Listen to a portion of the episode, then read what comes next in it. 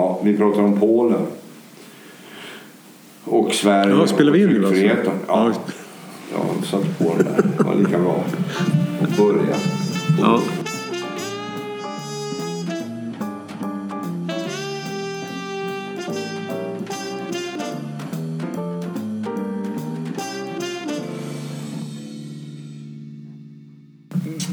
Det är klart att man, om, man, om man tänker sig att Polen efterföljs av Sverigedemokrater i Sverige som skulle liksom inleda något liknande. Man kan gissa att de ligger nära varandra i synsätt. Då skulle ju då, då skulle jag uppfatta det som jag skulle uppfatta Sverige som blev, att det blev väldigt trångt och trist i Sverige. Likformighet och en, en fånig form av patriotism, patriotism och nationalism skulle genomsyra liksom. Eh, om det skulle börja genomsyra vanlig P1 till exempel skulle det vara otroligt tråkigt. Men jag skulle inte hävda, jag skulle ha svårt att hävda att det blir en, en, eh, att tryckfriheten minskar. Det skulle vara fullt. jag antar det att, att Sverigedemokraterna till att börja med inte skulle inskränka vanliga tidningars rätt att säga, skriva vad de vill. Eller, ja. Nej, men det skulle, det skulle de säkert inte. Dessutom så är det en sak till. Va? I Polen finns ju ändå ett, ska säga, inte bara politiskt folkligt stöd för den nya utan även en kulturellt folkligt stöd genom katolicismen och, och en värdekonservatism. Den basen finns inte i Sverige. Jag tror att det finns en... Sverigedemokraterna stöds av politiskt uppror mot etablerade partier. Men värdekonservatismen är inte bärande för Sverigedemokraterna.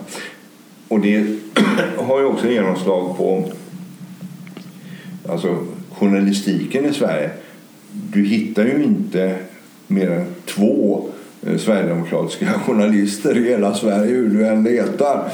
Och det gör ju det att även om de skulle försöka göra politiskt korrekt SD, Sveriges Radio så skulle de få väldigt, väldigt svårt att få det avlyssningsbart. Jag tror att de skulle självdö helt enkelt.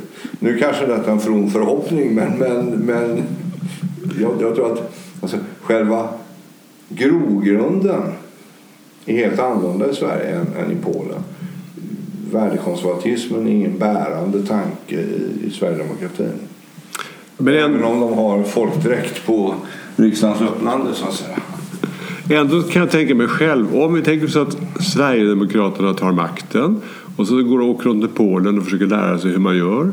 Och så kommer de tillbaka hit och så sparkar de chefen för, för uh, Sveriges Radio, så sparkar de chefen för, för SVT och sen så börjar de eh, krångla med generaldirektören för eh, kultur, eh, Kulturrådet och så börjar de tjafsa med chefen för Dramatens, eh, Dramaten. Skulle jag själv, alltså jag skulle nog tänka mig att jag skulle till och med gå ut på gatorna och börja demonstrera och säga vad är det för jävla ingrepp i det fria ordet. Men när jag tänker efter så måste jag inse att det är inte säkert att det är ett ingrepp mot yttrandefriheten utan det är mer att regeringen vill att deras åsikter ska synas lite mer på de här ska man säga, uttryckstribunerna om man får kalla det så. Ja, det är ingen avgörande skillnad från den tid när Birgitta Dahl ville ha en glaskupa över Sverige så att vi inte kunde ta emot syndig signal från England, USA eller Luxemburg. Så att det är ju bara liksom det är ju, det är ju bara ska säga, en åsiktsskillnad, det är ju ingen principskillnad.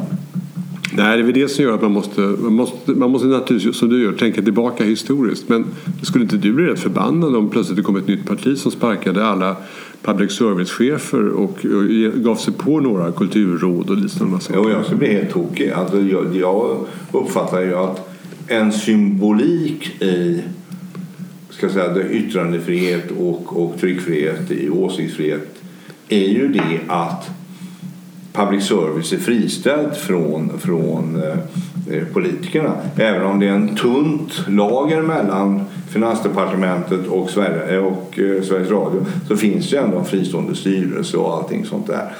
Och en av anledningarna till att jag blev så förbannad när man tog bort det gamla filmavtalet är ju det att jag misstror direktkoppling mellan Finansdepartementet och en kreativ bransch. Jag misstror att det inte finns ett lager mellan ska jag säga, kulturpengarna till filmen och politikerna.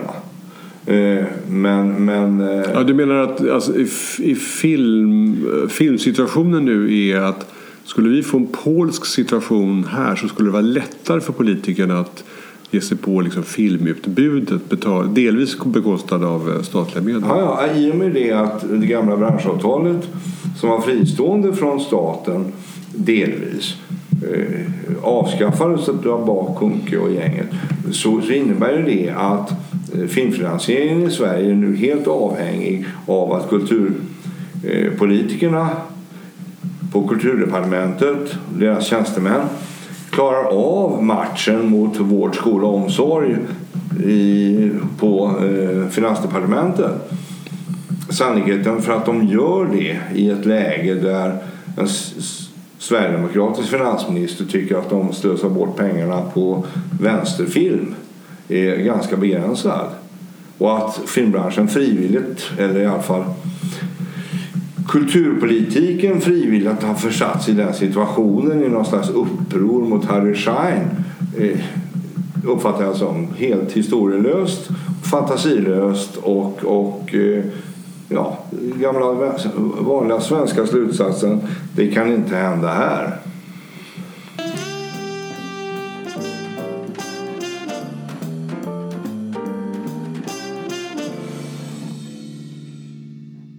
Frågan är då, alltså en absolut total hundraprocentig tryckfrihet, är det då så att den inte kan aldrig vara statsunderstödd? Nej, det, det hävdar jag. Den, en del av den kan vara statsunderstödd, men den kan inte vara helt statsunderstödd. Jag tycker att Sverige led under de år där det inte fanns innan Stenbecks revolution så att säga. Jag, jag tycker det vårt ska säga, möjlighet till att låta tusen blommor blomma eh, var begränsad av den vänliga men ändå ganska hårda socialdemokratiska regleringen av media. Alltså, hade vi inte haft en fri press Eh, så hade det varit eh, Östtyskland. Nu hade vi en fri press och, och eh, därför blev det aldrig eh, akut. Men, men det är klart att jag tycker det Sverige vi har efter TV3 är bättre än det Sverige vi hade med Radio Nord och SVT.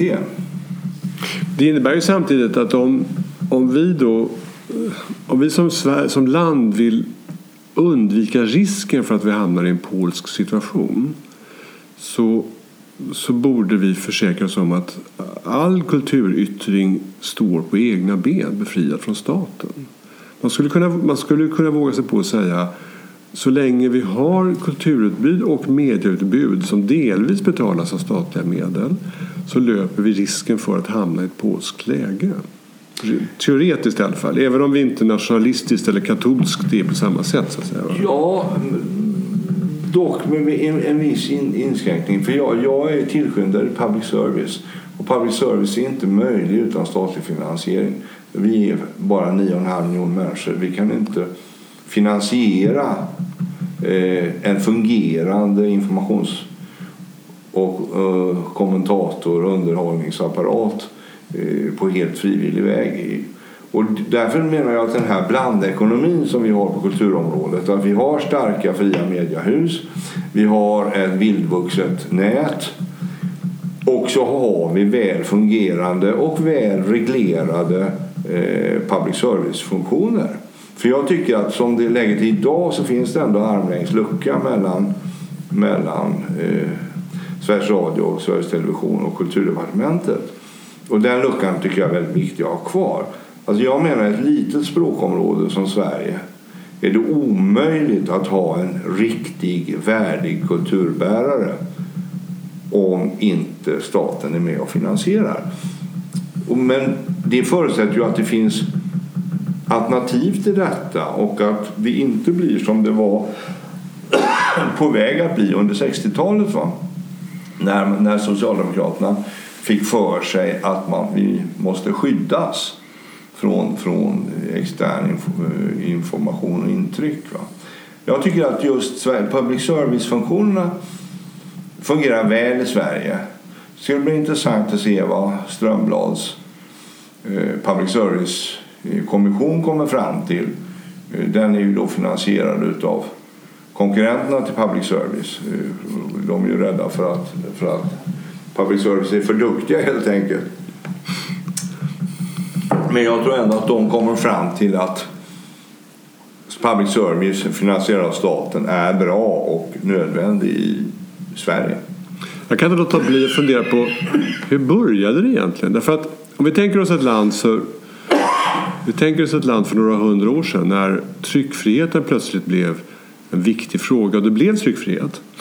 Så gissar jag att det, det, det, första som hände var nog inte att staten plötsligt rusade till och sa att vi ska också, vi ska också understödja det med pengar. Utan förmodligen var det så att det var fria debattörer som ville liksom få säg, skriva sina böcker utan att hamna i fängelse eller i alla fall bli arresterade. Och en och annan tidningsutgivare som ville liksom ta på sig att skicka ut eh, tidningar som skrev saker som kungen inte riktigt gillade och sådana saker.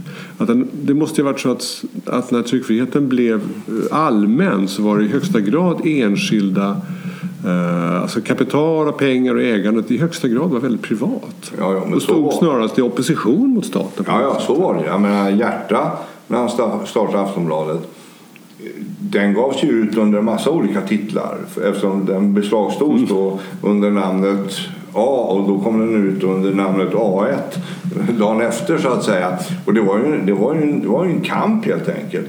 Och den kampen var ju också i en kultursfär där kungen hade haft korrektiv ända sedan medeltiden. Alltså svenska folkets urgamla rätt att sig själv beskatta och sådana här saker. Som gjorde att hade det varit samma sak i Ryssland till exempel under motsvarande tid med en enväldig tsar istället för en enväldig kung då hade ju förmodligen han blivit halshuggen. Mm.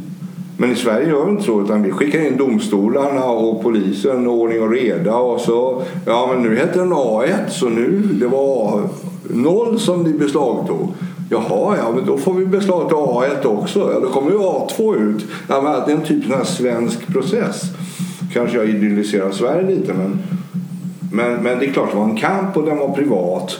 Och mot det här så fanns ju statens organ, Post Inrikes Tidningar, världens äldsta tidning så att säga, eh, som, som eh, var statens eh, röst så att säga. Och, och då, kan man, då är det intressant här. Då, då är det så att staten släpper till slut till friheten för andra utanför staten att, att upphäva sin stämma på något sätt fritt. Och sen så efter några decennier så upptäcker man att då har staten börjat lägga sig i det hela på något konstigt sätt igen. Man ska kanske inte tro att det är en statlig eh, konspiration utan plötsligt så blir det kanske kravet kommer att staten måste vara inblandad för att kunna börja sända radio och tv och bidra till eh, kulturutbudet i teatergrupper och sådana saker. Det intressanta är ju det att, att Sveriges Radio startades ut av tidningarna. Det, var, det ägdes ju av ett tidningskollektiv mm. som sedan reglerades av staten. Så att jag menar, Sveriges Radios historia var, och tidningarna hade ju någon form av indirekt inflytande i Sveriges Radio ända fram på 50-talet om jag, om jag minns rätt. Eh, så, så att, eh, det, det var en sån här typisk, också en här svensk Saltsjöbadslösning. Att ni får inte ha det här fritt men å andra sidan så vill vi inte förbjuda det så därför gör vi en, en sån här korporativistisk lösning. Ja, på samma sätt som filmavtalet blev en korporativistisk lösning mellan industrin och staten och så vidare. En typisk svensk modell så att säga. Vi lurar oss själva och, och, och, och så är alla vänner. Trevligt, sympatiskt drag i en statsapparat.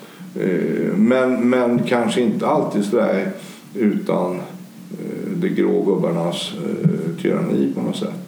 I det, I det finns det också en sorts, vad ska man säga, någon sorts förtroende mellan stat och näringsliv och medborgare. Alltså vi, det är väl ändå så kanske att, att det här uppstår i Sverige beror på att vi litar väldigt mycket på statsmakten. Vi tror inte att den kan bli för elak. Ja, det här förutsätter ett stabilt kontrakt. alltså ett, ett, ett socialt kontrakt. Och det har ju varit en av Sveriges stora succéfaktorer hela vägen tillbaka till medeltiden. Alltså bönderna har fått vara i riksdagen. Eh, alltså vi, vi, har, vi har alltid haft en, ska vi säga, land ska med lag byggas tradition istället för att eh, potentatens eh, eh, åsikt för dagen som styr så att säga. Eh, jo, det har funnits till och med under de värsta åren eh, med Hinke Bergström och grabbarna eh, och Ådalskravaller och elände så har det ändå funnits en gemensam tro på att ah, det här kommer att lösa sig i någon form av vettig eh, struktur där staten är inblandad. Det blir inte uppror, det blir inte kravaller, militären tar inte över, det blir ingen kommunistisk revolution. Alltså en konsensus. Och det måste ju naturligtvis baseras på att vi har ett väldigt starkt eh, socialt kontrakt i botten. Till och med den fattigaste svensken har vetat att kungen bryr sig om mig, så att säga. Jag undrar om det spelar roll för vår syn på tryckfrihet. Och jag undrar också om det de um, ska man säga, eh, min egen känsla av viss upprördhet när det gäller tryckfrihet att den härstammar då från att jag är svensk och bor i det här landet. Det jag menar är så här, man kan ju ana plötsligt att tryckfriheten är, är inte satt i fråga men på något sätt sidoställd. Det här att Eh, Eh, jag tänker på sådana här underliga saker som att eh, det verkar som att studenter i USA har man hört historier om, men även i Sverige, att man vill att allting ska vara väldigt tillrättalagt och det ska inte dyka upp konstiga åsikter. Och Astrid Lindgrens böcker så måste man, så måste man stryka ordet n-ordet för att det är fel att ha det med numera i de senare tryckta upplagorna. Då plötsligt så blir tryckfriheten, eh, ja, det finns inskränkningskrav, inte på tryckfriheten kanske, men det finns inskränkningskrav som innebär egentligen i det långa loppet inskränkningar i tryckfriheten. De är ju helt konstiga och jag blir upprörd över dem. Eh, och det är lite underligt att de uppstår i vårt land. Jag tror att de uppstår som en del av en internationell trend. Och om jag skulle våga mig på att göra någon form av gissning på varför det kommer så skulle jag kunna tänka mig att en anledning kan vara det att flödena på de sociala medierna och på nätet av totalt okurerad information och åsikt gör utan att det, att det finns alltså ingen eh, ansvarig utgivare, det finns ingen redigerare, det finns ingen ordning och reda, tonfallet blir värre och värre. Och som reaktion mot det och den här enorma explosionen av utbildning och av information och åsikter så har det blivit någon slags reaktion hos vanliga ungdomar att men så här kan det inte få vara. Man kan inte få hålla på och säga n-ordet hur som helst. Man kan inte få hålla på och hata hur som helst. Och eftersom det inte finns någon ansvarig utgivare som kan reglera det här ja, då uppstår någon form av kollektiv självcensur Nej, ska det komma fram någonting om att Otello eh, var si och så då ska det jävla med komma en varningstext först. Att här snackar vi om en kille som, som är, är kvinnoförtryckare och eh, dessutom kanske inte riktigt eh, eh väl beskriven. Eller Köpmannen i Venedig. Det, ja, men alltså att det kommer fram en, en, en judisk man här ska skära kött ur folk det vet du fasen om vi kan tillåta om man inte får en varningstext innan man kommer in så långt i Shakespeare. Min take på det här är det att det här är en form av folkligt önskan om att få en reglerande struktur så man slipper hålla på med den här kollektiva självcensuren.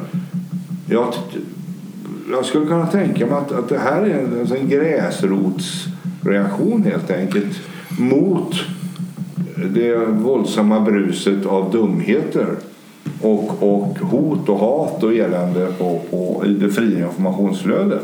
Och där har vi alltså den eviga konflikten mellan yttrandefrihet och att hålla någon form av anständighet i den mellanmänskliga kommunikationen. För det är klart att det finns ramar både för yttrandefrihet och för tryckfrihet.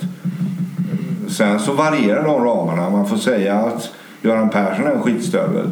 Men man får inte säga att Kalle Kula är en skitstövel.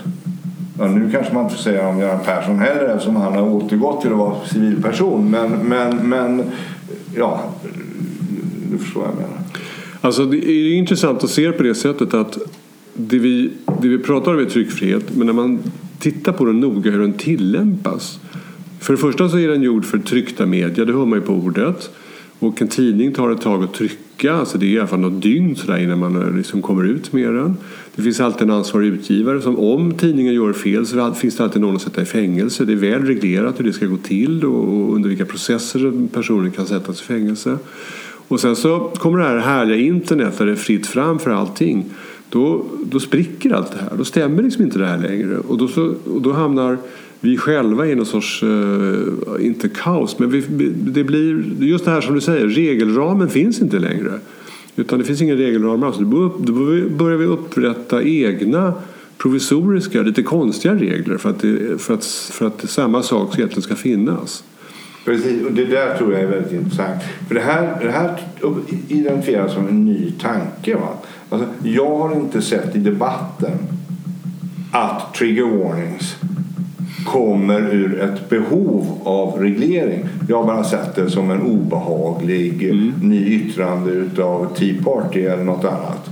Eh, och, och, och, det, här är väldigt, det här är väl värt att titta in i. För att jag tänker själv när jag, när jag twittrar, eller framförallt när jag gör Twitter-kommentarer hur lätt det är att komma med, som engelsmännen kallar det, snide remarks. Istället för att säga någonting konstigt och vettigt så säger man någonting som implicit innehåller meddelandet. Egentligen är det ganska korkat. Mm. Eh, i, I onödan och baserat på bristande självdisciplin egentligen. Mm. Alltså, kul att säga. Det är ungefär som det där pekfingret på Guldbaggegalan. Eh, kul att göra en nanosekund och jävligt obehagligt resten av livet. Liksom. Det är på det sätt som att den nya tekniken har gett oss möjligheter som, vi, som är stora och härliga men också som gör att vi, ehm, vi är inte riktigt mogna för att använda det på ett disciplinerat och bra sätt. Förmodligen är det så ungefär som när vi kröp ut ur skogarna någonstans på 700-talet eh, eller sådär. Och, och så blev det jävligt oreglerat och och sådär. Då bestämde vi sig att vi träffas på måndag om det fanns måndagar. Men vi träffas när månen står i, hö, i, i nedan eh, nästa gång eh, på ett stenröse och så snackar vi om det här. Och så uppstår tinget på något sätt. Och så eh, kommer man fram till att ja, det är nog bäst att vi reglerar det här. Vem har bäst minne? Jo, det är Johansson. Ja, han får bli lagman. Vi lassar på honom allting vi säger. Då får han liksom minnas och kodifiera det här. Eh, Eh, ja, och sen så har man någon form av som utvecklas till en landskapslag då som innebär att man får inte göra ditten för då får man böta två örtugar liksom. Det är kanske en idyllisk bild och den kanske fungerade då och då i Västergötland och sådana ställen. Ja. Men, men den är värd, alltså man får ju erkänna att vårt eget land har ju naturligtvis en en lång stabiliserande sätt att hantera krångliga sociala frågor. Så är det ju. Som sträcker sig långt, långt tidigare än socialdemokratin. Men det är en intressant tanke. Man skulle kunna skapa en app som hette, eller ett, ett forum på nätet som hette eh, Tingvallir. Och där skulle alla få ösa in sina klagomål och synpunkter på hur man skulle reglera nätet. Mm. Och så skulle det ur detta uppstå någon form av nätkodex. Mm. Alltså, ja, du får kalla Johansson för dum men du får inte säga att han är en potentiell mördare.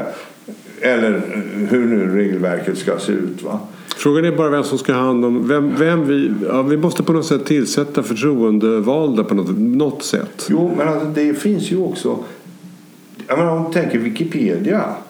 Mm. Det är ju, började som en vildvuxen mm. propagandaforum mm. ja, för skrivkåta ja. akademiker. Mm. Men det blev ju efterhand en självreglerande, mm. ganska väl fungerande uppslagsbok. Mm. Alltså jag använder själv Wikipedia. Mm. Sen är man lite mer kritisk när man läser det som står i Wikipedia och tänker ja, vem har skrivit det här och varför och är det verkligen sant och så. Vilket jag inte gjorde när jag läste Nordisk familjebok. Men varför skulle man inte kunna hitta på Lexipedia? Mm. Och då får alla som har synpunkter på regleringen i, på nätet langa in sina synpunkter och sen får man, det blir någon form av reglerande kodexutveckling. Eh, kanske. Nej, men det är intressant för att det, um, man borde kunna ge det en chans. Wikipedia är ett bra exempel på att sånt kan utveckla sig i vad ska vi kalla det för, rätt riktning eller en god riktning eller i alla fall användbar riktning. Ja. Eh, trots att staten inte är inblandad eller trots att juridiken inte är inblandad. Så varför inte? Varför inte ja. hoppas Nej, men Juridiken kommer ju från detta. Jag menar, Hammurabi skrev ju inte lagen därför att eh, ska jag säga, den inte behövdes. Utan det var ju så att det, det började dyka upp städer och odling, ordning och reda. Behovet ökade i Mesopotamien och mellan floderna. Ja, och då tänkte, tänkte man till ja, men eh, det är nog bäst att vi skriver ner reglerna här så att de blir tydliga så att det inte blir nya regler för varje omgång utan att det finns, folk vet vad de har att hålla sig till. Eh, ja, organisk framväxt helt enkelt. Sen naturligtvis befruktad utav en och annan potentat, typ Hammurabi. Och det är klart att Bill Gates eller någon annan skulle naturligtvis kunna vara potentat i sammanhanget. Men jag tycker mer om idén på någon form av spontant utvecklad lexipedia så att säga. Jag tror det, det, här låter, det låter som en härlig idé. Jag kan inte låta bli också att jag tänker på att jag omedelbart börjar fundera på vad jag hoppas att den skulle komma fram till. det är bra grej. Då får du vara Hammurabi. jag skulle önska att den på något sätt tog hand om anonyma inlägg. För att jag har en känsla av att där, där, där finns det massa oredigheter, otidigheter som inte jag gillar. Och jag sitter och funderar på det. Kan man tänka sig någon form av tryckfrihet som ändå hävdar att det måste vara man måste veta var det kommer ifrån. Man kan inte vara anonym längre. Det är lite läskiga i det va? Att du är inte anonym. Du är anonym för mig som offer och för dig som vanlig svensk. Och för dig som skribent upplevde anonym. Men det är klart att NSA och FRA grabbarna, de vet ju precis vem du är för de har ju din IP-adress och de kan ju tracka dig. Alltså du kan inte tro att du kommer undan med dumheter. Och det blir ju en utmaning också. Varför ska makten veta vem som är svinpäls medan jag som är offer inte får reda på det? Så att egentligen så skulle man faktiskt kunna ja, med viss fog hävda du som tror att du är anonym, du är inte anonym. Därför att nu har vi gjort ett avtal här med FRA och, och, och Etcher och grabbarna. Så att om du säger för dumma grejer så kan vi be att få din IP-adress av dem. Och då kan vi lagsöka dig. Så egentligen handlar det om att den som skriver in allt för kränkande anonyma inlägg någonstans på internet. De, vad det handlar om är att lagens långa arm har inte orkat sträcka sig dit egentligen.